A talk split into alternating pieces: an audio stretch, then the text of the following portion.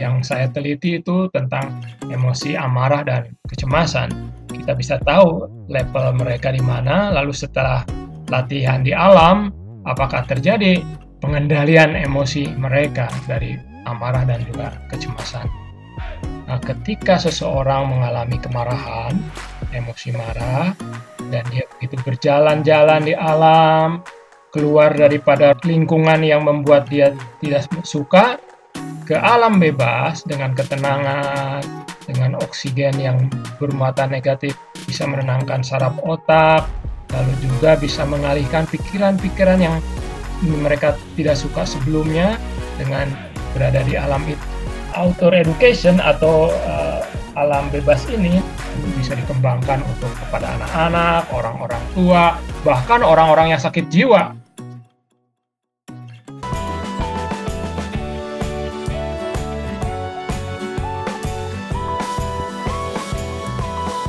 Hai, gue Willy Yonas. Selamat datang di podcast Sehat Seutuhnya. Halo semuanya, selamat datang lagi di podcast Sehat Seutuhnya bersama saya Willionas. Di episode podcast kali ini kita bakal ngobrol soal olahraga nih. Dan bersama kita sudah ada seorang dokter, dosen juga, coach juga, atlet juga, dan pakar olahraga. Nah ini seseorang yang saya udah kenal dari saya kecil, seseorang yang sudah sangat menginspirasi saya untuk mencintai olahraga dari hiking, dari berenang, lari, bahkan adventure banget orangnya nih. Jadi ini beliau udah cukup berumur, tapi kebugaran fisiknya luar biasa banget. Mungkin buat teman-teman anak muda juga yang lagi ngedengerin podcast kali ini, mungkin bisa kalah juga nih sama kebugaran dari bintang tamu kita hari ini. Jadi seru banget. Dari kecil sering hiking, eh, cari-cari jalan di gunung, pokoknya seru banget lah sama beliau. Dan hari ini beliau akan berbagi pastinya tentang olahraga, tapi yang lebih spesifiknya adalah tentang kenapa olahraga di alam atau di nature itu lebih bermanfaat. Karena saya lihat penelitiannya beliau ini banyak banget mengenai ini gitu, outdoor education. Jadi menarik banget manfaatnya apa sih? Apa manfaat lebihnya dari olahraga di alam? Jadi kita mau langsung ngobrol, kita mau welcome Dr. Karjono MSC. Halo Om. Halo. Gimana kabarnya Om? Sehat? Ya, selalu sehat. Terima kasih. Selalu ya. Ini ya. terima kasih banyak ke willingness-nya sudah mau berbagi juga di podcast. Aku udah kenal Om kayaknya dari sebelum dari aku kecil banget ya Om ya kayaknya. Ah, iya, waktu kalian masih kecil. kecil dari ikut hiking, dari ikut grup berenang uh, di laut. Berenang. Ya. oh iya bener berenang di laut ya pas di Pangandaran ya dulu. Waduh. Seru iya. banget, seru banget. Dan Om ini kita pengen langsung ngobrolin topik yang um, banyak banget ternyata Om udah teliti dan menarik banget gitu. Selalu Om, selalu orangnya tuh kalau yang aku lihat Om tuh selalu seneng banget olahraga di alam. Nah, yeah. tapi sebelum kita ngobrol itu nih Om, aku penasaran juga kan uh, Om eh, S1-nya ambil coaching, udah gitu S2 ke Jepang juga ambil uh, terkait coaching program juga. Kira-kira kenapa sih Om Om pilih jurusan itu dulu Om? Ya karena namanya coaching itu adalah istilahnya sebagai seorang pelatih olahraga. Dasarnya karena memang dari sejak kecil uh, saya suka dengan olahraga dan keluarga pun banyak mendidik saya dengan kegiatan olahraga. Jadi saya pikir paling cocok kayak setelah saya udah kuliah di bidang olahraga, saya pilih lebih cocok untuk menjadi seorang pelatih olahraga. Ya. Hmm. Jadi emang dari kecil tuh emang udah seneng olahraga ya Om ya? Dan hmm. olahraga apa sih Om dari ya. kecil? Dari kecil saya sudah ditanamkan uh, baik oleh orang tua, lingkungan atau kawan-kawan yang sudah dewasa untuk uh, lebih senang berolahraga. Saya suka sekali dengan kegiatan-kegiatan yang hubungannya dengan uh, lari ya, terutama lari-lari hmm. yang lintas alam. Uh, dari sejak umur lima tahun saya udah mulai berlari. Lalu wow. juga ya saya dilatih oleh kakak saya dari umur lima tahun berenang. Selain itu hmm. saya memiliki kakak seorang karateka, jadi juga belajar uh, uh, apa namanya karate begitu waktu masa kecil. I see. Jadi kayaknya dari kecil udah diperkenalkan dan kayaknya emang emang suka banget gitu Om ya? Iya, karena keluarga saya kelihatannya semuanya suka dengan aktivitas olahraga. Wow, ini keren banget nih kayaknya cukup jarang tuh orang keluarga yang semuanya pada senang olahraga gitu. Dan ini pengen langsung uh, ngobrolin nih Om. Uh, kan penelitian Om itu banyak banget yang aku lihat uh, aku Google, aku sempat juga baca beberapa dan banyak banget melihat penelitiannya mengenai outdoor education atau olahraga di alam. Kira-kira kenapa sih apa yang menarik buat Om sampai Om tuh meneliti di di bidang itu gitu Om? Iya, saya berpikir tadinya bahwa alam ini sangat luas sekali dan kita bisa memperoleh banyak sekali pengetahuan, kesenangan, tempat rekreasi dari tempat-tempat yang Tuhan ciptakan. Dan hmm. alam ini adalah hubungannya dekat sekali dengan uh, kekuasaan daripada Tuhan yang perlu kita pelajari lebih banyak. Dan saya merasa bahwa alam ini bisa dipergunakan sebagai hal-hal yang sangat bermanfaat untuk kehidupan manusia. Oleh karena itu saya hmm. banyak mencoba meneliti hubungan alam khususnya nah, terhadap pengendalian emosi. Ya. Hmm. Dan itu penelitiannya gimana sih Om dan apa yang Om temukan tuh Om? Apakah ada efeknya, manfaatnya ketika seseorang itu olahraganya di alam? Oh jelas sekali. Jadi alam ini adalah suatu tempat yang sangat menakjubkan, banyak hmm. rahasia-rahasia yang mungkin belum terlalu banyak diselidiki, alam indah, pemandangan yang bagus, udara yang hmm. segar, sinar matahari, lalu landscape-nya yang berbeda-beda dengan hmm. lekuk-lekuk uh, jalan, rintangan, halangan yang sangat luar biasa yang tidak kita bisa temukan di tempat-tempat yang dibuat oleh manusia ya seperti hmm. di mall atau di lapangan dan segala macam. Jadi sangat-sangat bervariasi uh, alam ini. Jadi beda medannya aja udah beda banget ya. Sangat-sangat berbeda ya. Kita berjalan di alam beda berbeda dengan jalan-jalan yang di tempat-tempat di jalanan, di mall atau di tempat-tempat yang biasa manusia suka melakukan aktivitas. Sangat berbeda sekali. Banyak rahasia yang bisa kita temukan. Selain itu kan kita bisa menemukan binatang-binatang yang aneh, bunga-bunga, kupu-kupu, pemandangan pohon berbagai aneka ragam pohon yang sangat luar biasa yang kita juga tidak mengetahuinya mungkin nama-namanya. Wah, benar-benar benar. Dan itu Om kalau di penelitian Om gitu, Om pakai orang-orang yang udah misalnya mengalami stres atau misalnya depresi udah gitu disuruh olahraga ke alam atau gimana tuh Om? Nah, sebetulnya setiap orang pasti mengalami stres-stres ya. Siapa pun juga pasti mau orang yang kuat, mau orang yang lemah pasti uh, banyak mengalami stres-stres. Nah, sebetulnya kan kita bisa mengukur permulaan mereka level stresnya sampai di mana atau hmm. emosinya sampai di mana ya. Yang saya teliti itu tentang emosi amarah dan kecemasan. Kita bisa hmm. tahu uh, level mereka di mana lalu setelah latihan di alam apakah terjadi uh, pengendalian emosi mereka dari amarah dan juga kecemasan mereka. Hmm. Dan waktu itu sampelnya saya lebih banyak kepada para mahasiswa yang baru masuk kuliah. Biasanya kan hmm. mereka adalah orang-orang yang uh, lebih stres tinggi ya, karena baru uh, mempelajari uh, perkuliahan dibandingkan mungkin yang sudah mulai ber, uh, mengikuti beberapa semester gitu. Jadi semester awal anak-anak. Hmm. Dan dan kelihatan kemajuan gak tuh Om? Ada efeknya segimana tuh sama amarah mereka gitu?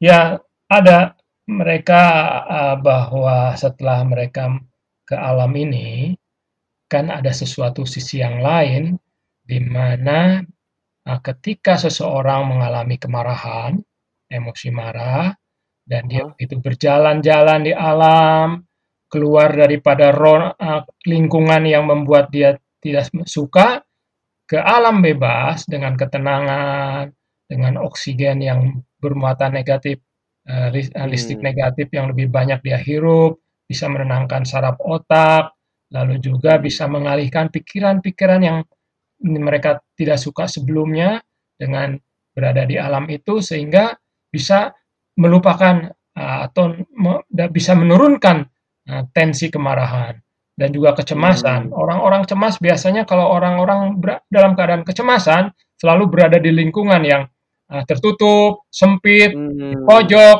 Nah, dia tidak melakukan aktivitas uh, di luar. Semakin lama pikiran semakin mencemaskan, ya. Dan hmm. ini susah untuk mengendalikan kecemasan, padahal kecemasan itu belum tentu akan terjadi.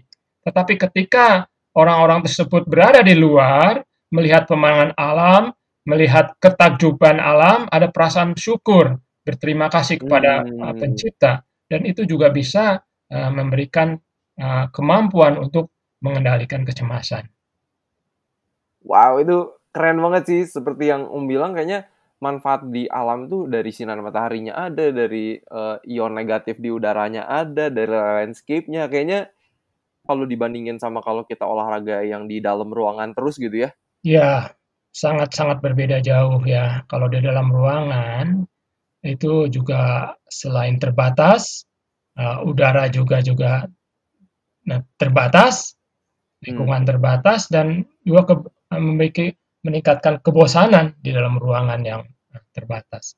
Sedangkan di alam bebas sangat luas sekali, beratapkan langit ya, kita bisa mata kita bisa jauh memandang ke mana saja tanpa terbatas. Jadi sangat berbeda sekali kegiatan-kegiatan di alam bebas dengan di tempat-tempat yang tertutup. Ini yang menarik yang waktu pas aku sempat baca penelitian Om, kayaknya ada salah satu manfaat dari outdoor education. Kayaknya karena tracknya ada tingkat kesulitan yang berbeda itu gimana sih om benefitnya buat otak gitu kira-kira karena kita harus cari-cari jalan atau gimana tuh om? Uh, kalau trek di alam seperti pematang sawah ya kan tidak mudah hmm. orang berjalan kan perlu keseimbangan hmm. ya mungkin tanahnya licin uh, rumput alang-alang dan segala macam salah satu contoh Lalu kalau kita hmm. mendaki perbukitan kan uh, tidak mudah untuk menempatkan kaki uh, secara hmm. seperti kalau di tangga yang sudah dibuat teratur. Ini kan ada hmm. yang tangganya tinggi, ada yang rendah, nah, dan itu biasanya terbuat dari tanah ya tanah yang licin, apalagi kalau musim hujan. Di turunan juga hmm. ya kita harus menempatkan kaki yang tepat. Kalau tidak bisa tergelincir jatuh dan ini hmm. perjalanan ini harus memerlukan satu uh, jalan pemikiran yang cepat untuk uh, mengambil keputusan. Ya, hmm. jadi tidak bisa seperti seenaknya saja, uh, tidak konsentrasi, uh, tidak melihat medan, hmm. harus lihat perlu lihat ke atas, ke bawah, ke kiri, ke kanan itu di alam itu perlu sekali. Tidak bisa kita seperti hmm. jalan-jalan hmm. yang di datar ya, kalau seperti jalan di mall kan kita bisa lihat kiri kanan bebas. Ini tidak, dia harus konsentrasi dengan uh, injakan-injakan semuanya. Ya, yang kadang-kadang juga kan kita menemukan binatang-binatang yang eh, yang aneh, yang ah ini agak berbahaya dan segala macam itu kan harus kita hindarkan. Dan ini hmm. Adalah melatih otak kita untuk berpikir secara cepat. Nah, hmm. dan kalau kita menghadapi masa-masa krisis di dalam kehidupan kita, contohlah kalau kita menghadapi orang yang uh, bicaranya tidak enak, mengkritik kita dan segala macam, kita harus berpikir secara cepat untuk mengatasi semua persoalan-persoalan di dalam uh, kehidupan kita. Dan itu bisa dilatih dengan alam. Sangat bagus sekali dan juga sangat baik buat orang-orang yang sudah usia lanjut ya, tetapi tentu saja harus disesuaikan uh, medannya. Orang-orang yang muda, yang masih kuat, yang sudah terbiasa mungkin harus menjelajahi medan-medan yang lebih sulit tapi kalau anak-anak belajar di pematang sawah, belajar keseimbangan, ya itu uh, perlu. Tetapi orang tua mungkin harus medan-medan yang uh, lebih mudah. Tapi ini juga bagus untuk mengasah otak dan pikiran mereka supaya bisa uh, cepat sekali uh, mengambil keputusan-keputusan di dalam uh, kegiatan-kegiatan uh, langkah kaki kita, sehingga itu juga hmm. sama kalau sering dilatih, jadi kita bisa mengatasi semua persoalan-persoalan dengan cepat. Itu maksudnya. Wow itu itu keren keren banget sih. Kadang mungkin kita nggak ngelihat benefitnya sampai segitunya gitu. Cuma ternyata ada lebihnya tuh sampai segitunya karena aku suka yang kata kayak tadi om bilang kalau olahraga di gym gitu cepet banget bosen gitu karena kayaknya rutinitasnya sama gitu. Ya. Kalau bench press ya gitu-gitu lagi. kurang bervariasi Kalau- di gym itu kurang bervariasi Bener, bener banget. Dan aku akhirnya kalau dulu juga membership gym gitu kan, misalnya Iya. enam bulan, aduh udah gitu udah bosen deh, udah nggak kuat. ya Ujung-ujungnya baliknya ya itu ke alam lagi, hiking lagi, bersepeda di alam, lari. Akhir-akhirnya ya kayak gitu lagi sih. ya Jadi kayaknya kalau Om melihat ini nggak ya outdoor education ini olahraga di alam ini harus lebih banyak juga di sekolah-sekolah di Indonesia gitu Om. Kira-kira gimana tuh? Ya, Indonesia ini sangat ideal sekali untuk menerapkan satu kegiatan di alam bebas. Ya, karena Indonesia memiliki tempat pegunungan, bukit, lembah yang sangat indah dengan panorama-panorama yang sangat menakjubkan. Dan ini sangat disayangkan kalau tidak dimanfaatkan untuk satu kegiatan yang dapat meningkatkan baik fisik, mental, bahkan kerohanian. Nah, kalau kita lihat Hmm. sejarahnya bagaimana Nabi Musa dididik Tuhan di padang belantara, ya 40 tahun. Yang tadinya seorang yang eh, emosional, ya, tetapi menjadi orang yang sangat lembut hatinya karena pendidikan di alam bebas. Ya, itu Hmm. manfaatnya. Oh menarik juga tuh. Ya. Apakah itu salah satu yang mendasari Om juga jadi pengen penelitian mengenai outdoor education ini Om? Ya, dasarnya itu. Saya melihat bagaimana eh, orang-orang yang misalkan dengan karakter-karakter yang keras sehingga menjadi lembut, ya lebih bijaksana karena dididik Tuhan di alam bebas. Wow. Ya. It- itu keren keren banget sih keren banget jadi eh, ini buat teman-teman yang lagi denger podcast kalau misalnya eh, punya waktu di weekend paling tidak ada waktu untuk ke alam coba olahraga di alam gitu ya, Om Ya, ya itu ke alam adalah tempat terjun gitu rekreasi yang paling baik. Kalau Anda Hmm, Nah, mau berekreasi untuk memulihkan kondisi fisik, mental, dan kerohanian ke alam bebas. Itu yang terbaik dibandingkan kalau Anda pergi ke tempat-tempat pusat perbelanjaan. Iya, pasti banyak emosinya. Kalau nawar terlalu mahal, ya jadi emosi. Nah, kita nggak punya uang, emosi. Tetapi kalau di alam bebas, saya kira satu uh, rekreasi yang sangat murah. hmm. benar benar murah banget tinggal niat cari temen yang se sukanya ke alam Iya, juga gitu kan iya. udah gitu langsung jalan aja gitu Saya kira semua orang akan suka di alam kalau sudah mulai. Hmm. Ya. Benar, benar, benar. Harus mulai aja. Pokoknya mulai dulu. Menarik, menarik. Kira-kira ada ada yang mau dibagian lagi nggak Om yang eh, mungkin belum tersebutkan mengenai outdoor education ini dari sisi apa yang mungkin Om lihat mungkin belum kita touch gitu. Ya, saya kira ini uh, outdoor education ini buat di negara kita adalah merupakan satu barang yang baru dan uh, Hmm.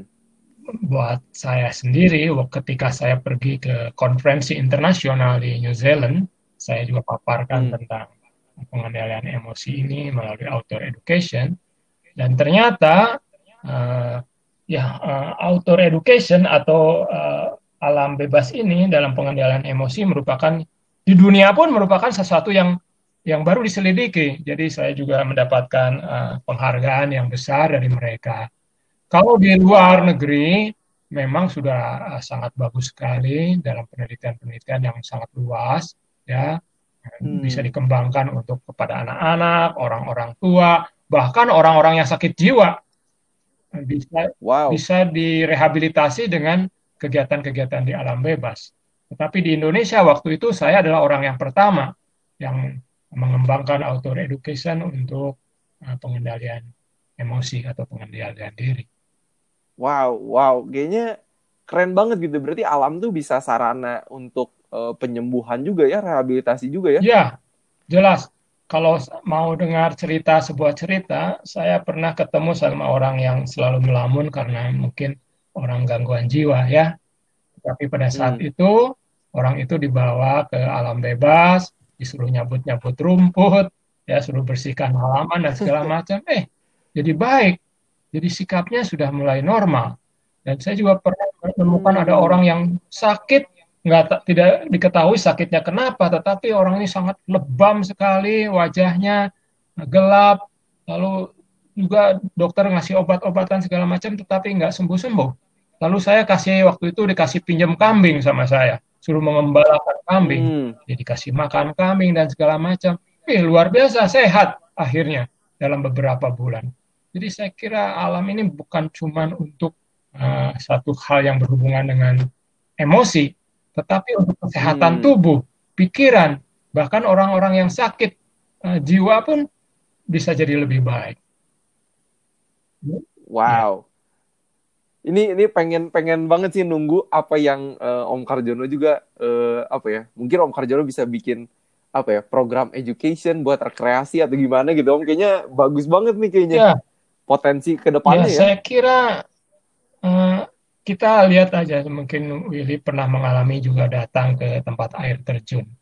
Bagaimana itu percikan-percikan air ya yang membuat kita menjadi segar Nah, karena oksigennya hmm. kaya sekali ketika di air terjun.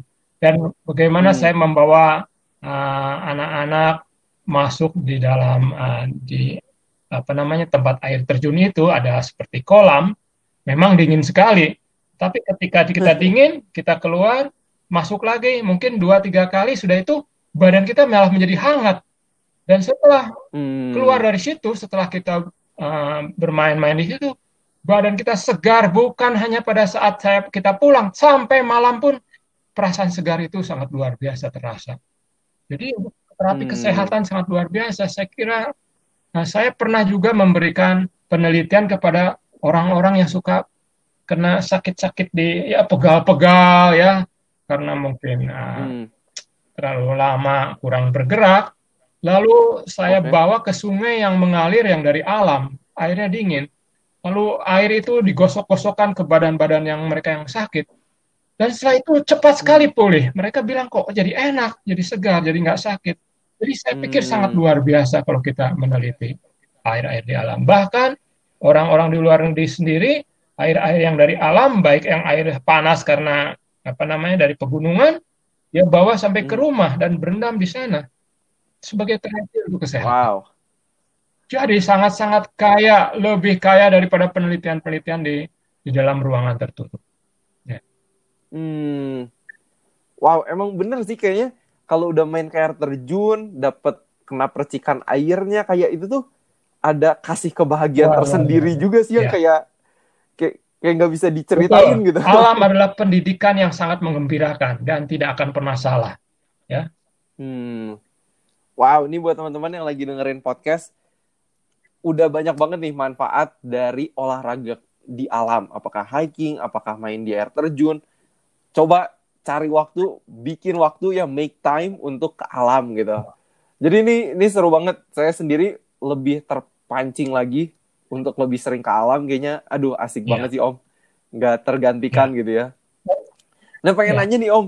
Eh gimana? Ada Iya, yang... kalau seandainya begini. Kalau kita ada terik matahari, kita berteduh di dalam rumah yang tertutup, ya, dengan berteduh di bawah pohon yang rindang, itu sangat-sangat berbeda sekali. Waktu kita berteduh di alam rindang itu, kesejukan, nyaman sekali, perasaan yang nyaman dibandingkan kita berteduh di dalam satu ruangan yang tertutup. Ya, belum boleh dirasakan. Dan apalagi kalau kita uh, santai di alam, misalkan kita merebahkan diri, memejamkan mata, mendengar suara-suara alam, baik desiran angin, suara burung-burung, atau desiran dari uh, bunyi-bunyi pohon-pohonan yang ketiup angin. Wah, sangat-sangat menakjubkan. Ya. Memberikan hmm. kesegaran buat mental kita, jiwa kita, sangat luar biasa. Dan kita penuh dengan rasa syukur berada di alam. Hmm, benar-benar. Wow, ini keren banget, keren banget nih Om. Dan aku pengen nanya juga nih Om, Om sekarang olahraga kalau boleh tahu nih Om umur berapa dan olahraga Om sekarang tuh kayak apa ya, sih Om? Saya sekarang uh, sebentar lagi 60 tahun usia saya. Ya, bulan Mei. Oke. Okay. Nah, lalu olahraga-olahraga yang saya sering saya lakukan, saya try run, berlari di alam bebas ya. Nah, kira-kira hmm. jaraknya antara 15 sampai 25 km.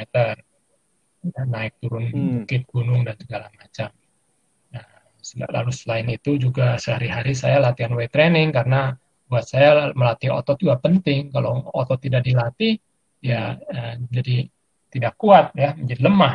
Jadi kita juga perlu melatih hmm. otot-otot kita karena dengan melatih otot kita, jadi kemampuan bergerak kita juga tetap uh, terjaga. Ya. Hmm. Wow, keren, keren banget. Kalau berenang gitu masih rutin? Nah, sekarang Om lebih banyak lah uh, berlari di alam bebas dibandingkan berenang, karena hmm. mungkin uh, lebih nyaman ya, lebih nyaman. Hmm. Oke oke, kayaknya emang ya di kolam berenang lebih apa ya di bawah atap gitu biasanya. Ya di kolam berenang karena kan apalagi dalam suasana yang sekarang ini ya kita lebih khawatir lah hmm. dengan di kolam renang walaupun mungkin lebih aman di kolam renang tetapi kalau di alam bebas itu jauh lebih menyenangkan buat saya sekarang ini.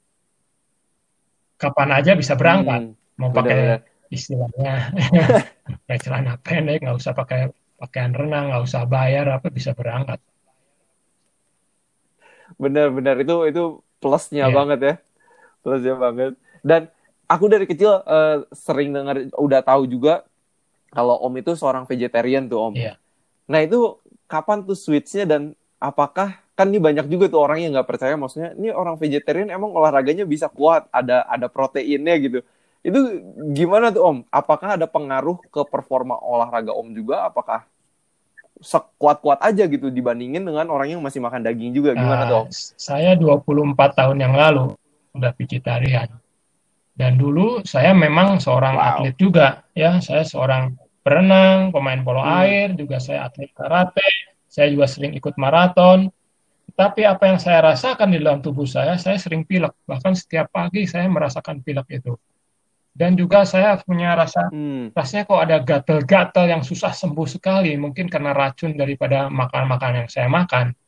Tapi setelah saya vegetarian, hmm. ya sampai sekarang ini, pilek pun hampir nggak pernah. Hampir nggak pernah saya pilek. Nah, lalu juga tidak ada gatel-gatel, badan jadi lebih ringan, Uh, orang bilang saya kulit saya jauh lebih muda dibandingkan waktu saya tidak vegetarian. Dan untuk menempuh jarak-jarak yang jauh hmm. seperti itu, saya memiliki daya tahan yang tinggi, walaupun saya sudah uh, bukan dianggap muda lagi, um, umur 60 tahun ya. Tapi saya masih hmm. bisa bersaing dengan anak-anak uh, muda sekalipun. Mungkin sama Willy pun boleh juga. Iya nih, saya udah diajakin sama Om Teguh untuk ikut coba ikut trail run bareng nih. Aduh kata saya harus harus banget nih dicoba. Emang pas tahun lalu ya kita ke Burangrang juga. Waduh saya lihat Om ini udah udah umur 59 yeah. berarti Om ya. Kayak wow, kalau dibandingin sama orang umur 59 lainnya tuh beda banget gitu. Yeah. Yang lain yeah, mungkin udah sakit-sakitan. Gitu. iya, mungkin perut juga udah buncit gitu kan. Jadi kayak wah ini Mantap, mantap banget. Dan Om juga weight training. Jadi buat teman-teman nih yang masih meragukan uh, apakah vegetarian bisa dapat cukup protein, masih bisa olahraga nih. Salah satunya Om Karjono ini udah 24 tahun sampai sekarang masih lari 15 sampai 25 kilo yeah. ya Om ya untuk yang trail yeah. run ya. Wow, keren, keren banget nih. Semoga menginspirasi juga para pendengar sekalian. Dan ini Om nih, pengen yang aku penasaran juga ya, pengen nanya Om gimana sih Om membuat uh, keluarga Om itu cinta olahraga? Karena kan anak Om juga yang Kojosia kan atlet renang juga tuh, atlet renang yeah. Indonesia juga, yang cewek juga perenang, istri Om juga suka olahraga, kayaknya aduh, kok bisa tuh Om menginspirasi semuanya jadi cinta olahraga Om? Iya, uh, kita kan harus hidup sehat. Hidup sehat itu kan untuk kebahagiaan kita juga, untuk kebahagiaan keluarga. Hmm. Dan dasarnya untuk bisa hidup sehat adalah bergerak. Jadi banyak orang yang mencoba hmm. untuk dengan program diet hanya untuk menguruskan badan, tapi mereka tidak menunjukkan kepada kesehatan. Harusnya sehat, itu sehat. Hmm. Dan sehat dasarnya adalah bergerak. Ya, bukan karena pola makan sangat penting, pola makan yang baik. Tetapi kalau nggak pernah bergerak, Anda tidak memiliki kekuatan yang atau kesehatan yang prima. Karena hidup itu harus banyak bergerak. Hmm. Otot-otot kita harus kuat harus lentur. Nah, oleh karena hmm. itu, saya akan memberikan contoh di dalam keluarga sebagai orang ayah, seorang hmm. bapak di dalam keluarga, saya harus memberikan contoh. Dan anak-anak saya melihat bagaimana saya gemar dengan olahraga. Anak-anak saya ini sejak umur 4 bulan, um, nggak bisa jalan kaki ya, tapi saya sudah bawa dia ke kolam renang. Mhm. Saya sudah bawa bermain-main di air, Wow. bahkan umur satu tahun sudah pada bisa berenang. Walaupun gayanya nggak terlalu bagus ya, umur setahun udah bisa berenang. Hmm. Umur tiga tahun semua anak kedua anak saya sudah bisa semua gaya berenang. Wow, itu Ya, mudah banget sih Om. Dan Mudah istri banget. saya juga memang dia sejak dulu juga dia suka dengan olahraga. Ya, walaupun waktu tinggal di Jakarta lama, jadi karena akti- eh, fasilitas yang susah untuk dijangkau, cukup berhenti lama, tetapi Hmm. sekarang bangkit lagi. Istri saya walaupun sudah di atas 50 tahun, larinya luar biasa. Paling sedikit dia bisa lari satu jam. Angkat besi juga, ya. Itu, ya, jadi masih Wow. tetap terpelihara lah. Jadi nah, oleh karena itu Hmm. sampai sekarang anak-anak saya selalu nomor satu harus olahraga untuk hidup sehat. Ya selain mengatur. Hmm, benar-benar. banyak keuntungannya. Wow, ini buat para Bahkan pendengar. hampir-hampir tidak ada yang sakit banyak ya, Om, ya. ya? Nggak pernah kita minum obat-obatan segala macam. Kondisi prima. Hmm. Wow. Jadi ini buat teman-teman yang lagi denger podcast ini penting banget. Jadi emang orang tua itu perlu banget jadi Ya. contoh juga ya Om ya dalam hidup sehat. Dan anak-anak juga semua di- dibesarkan juga Ya, vegetarian ya, Om jadi ya. ah, kalau yang paling kecil ini sejak dalam kandungan sudah vegetarian. Tetapi yang pertama itu waktu umur 4 Wow. tahun karena pengertian saya tentang vegetarian itu ketika anak saya umur 4 tahun. Kalau sudah ditanamkan kegiatan-kegiatan Hmm. olahraga hidup sehat, mereka akan ketagihan dan mereka tidak akan mungkin lari atau berhenti daripada kegiatan-kegiatan olahraga itu. Mereka sudah namanya udah seperti eh, disebut dengan eh, spot alkoholik, ya, gemar dengan kegiatan. Hmm. Kayaknya tuh udah kalau kalau nggak gerak Ya, tuh ada yang kurang gitu. Setiap ya. hari anak saya juga olahraga setiap hari. Wow, wow, keren banget, keren banget. Jadi ini terima kasih banyak kepada Om Karjono yang sudah berbagi. Saya sendiri jadi terpacu lagi ini supaya olahraganya makin eh, giat. Nanti pengen ikutan juga ya eh, apa Iya. trail run-nya nih. Harus nyempetin waktu. Kira-kira gimana Om ada pesan-pesan terakhir buat para Ya. pendengar podcast Yang terkait saya olahraga? pi- kira semua orang kan tidak memiliki kondisi fisik yang baik, ya, atau ada juga yang baik. Nah, khususnya kepada mereka-mereka yang memiliki kondisi yang kurang baik, ingin jauh lebih sehat, mulailah. Pertama, bawa teman-teman yang bisa lebih bergembira, yang bisa lebih sehati dan dengan tujuan yang sama untuk hidup sehat.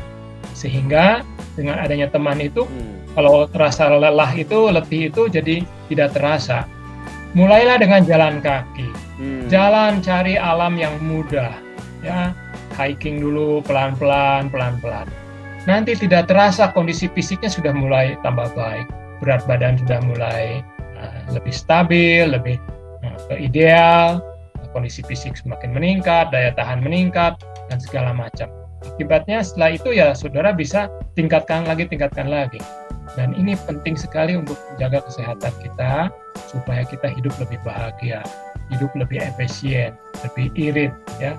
Karena kalau sakit kan begitu mahal dan saudara akan merasakan hidup itu lebih bermakna dan lebih gembira karena banyak uh, kegiatan-kegiatan yang aktif di dalam hidup. Gitu. Betul betul. Jadi buat teman-teman jangan ditunda-tunda lagi kalau mau hidup sehat mulai dari sekarang jangan dibesokin besok besok besok nanti Ya, udah jadi harus jadi mulai. gitu ya ya. Berapapun yang Anda tempuh bertahap, mungkin besoknya rada pegal-pegal ya istirahat, mulai lagi, mulai lagi. Lama-lama saya kira tidak akan lebih dari dua bulan Anda sudah sudah ke, kesenang dengan kegiatan olahraga. Yes, benar. Nanti jadi eh, Ya, sport sport sport ya. Apa alkoholik sih istilah ya Om? Ya, seperti orang yang peminuman keras kan. Jadi nggak bisa kalau nggak minum. Olahraga begitu. Jadi hidupnya jadi nggak bisa tanpa olahraga. Hmm, benar-benar. Ya. Terima kasih banyak Om Karjono yang sudah berbagi dan harapan saya seperti biasa semoga kita sehat Nah. seutuhnya.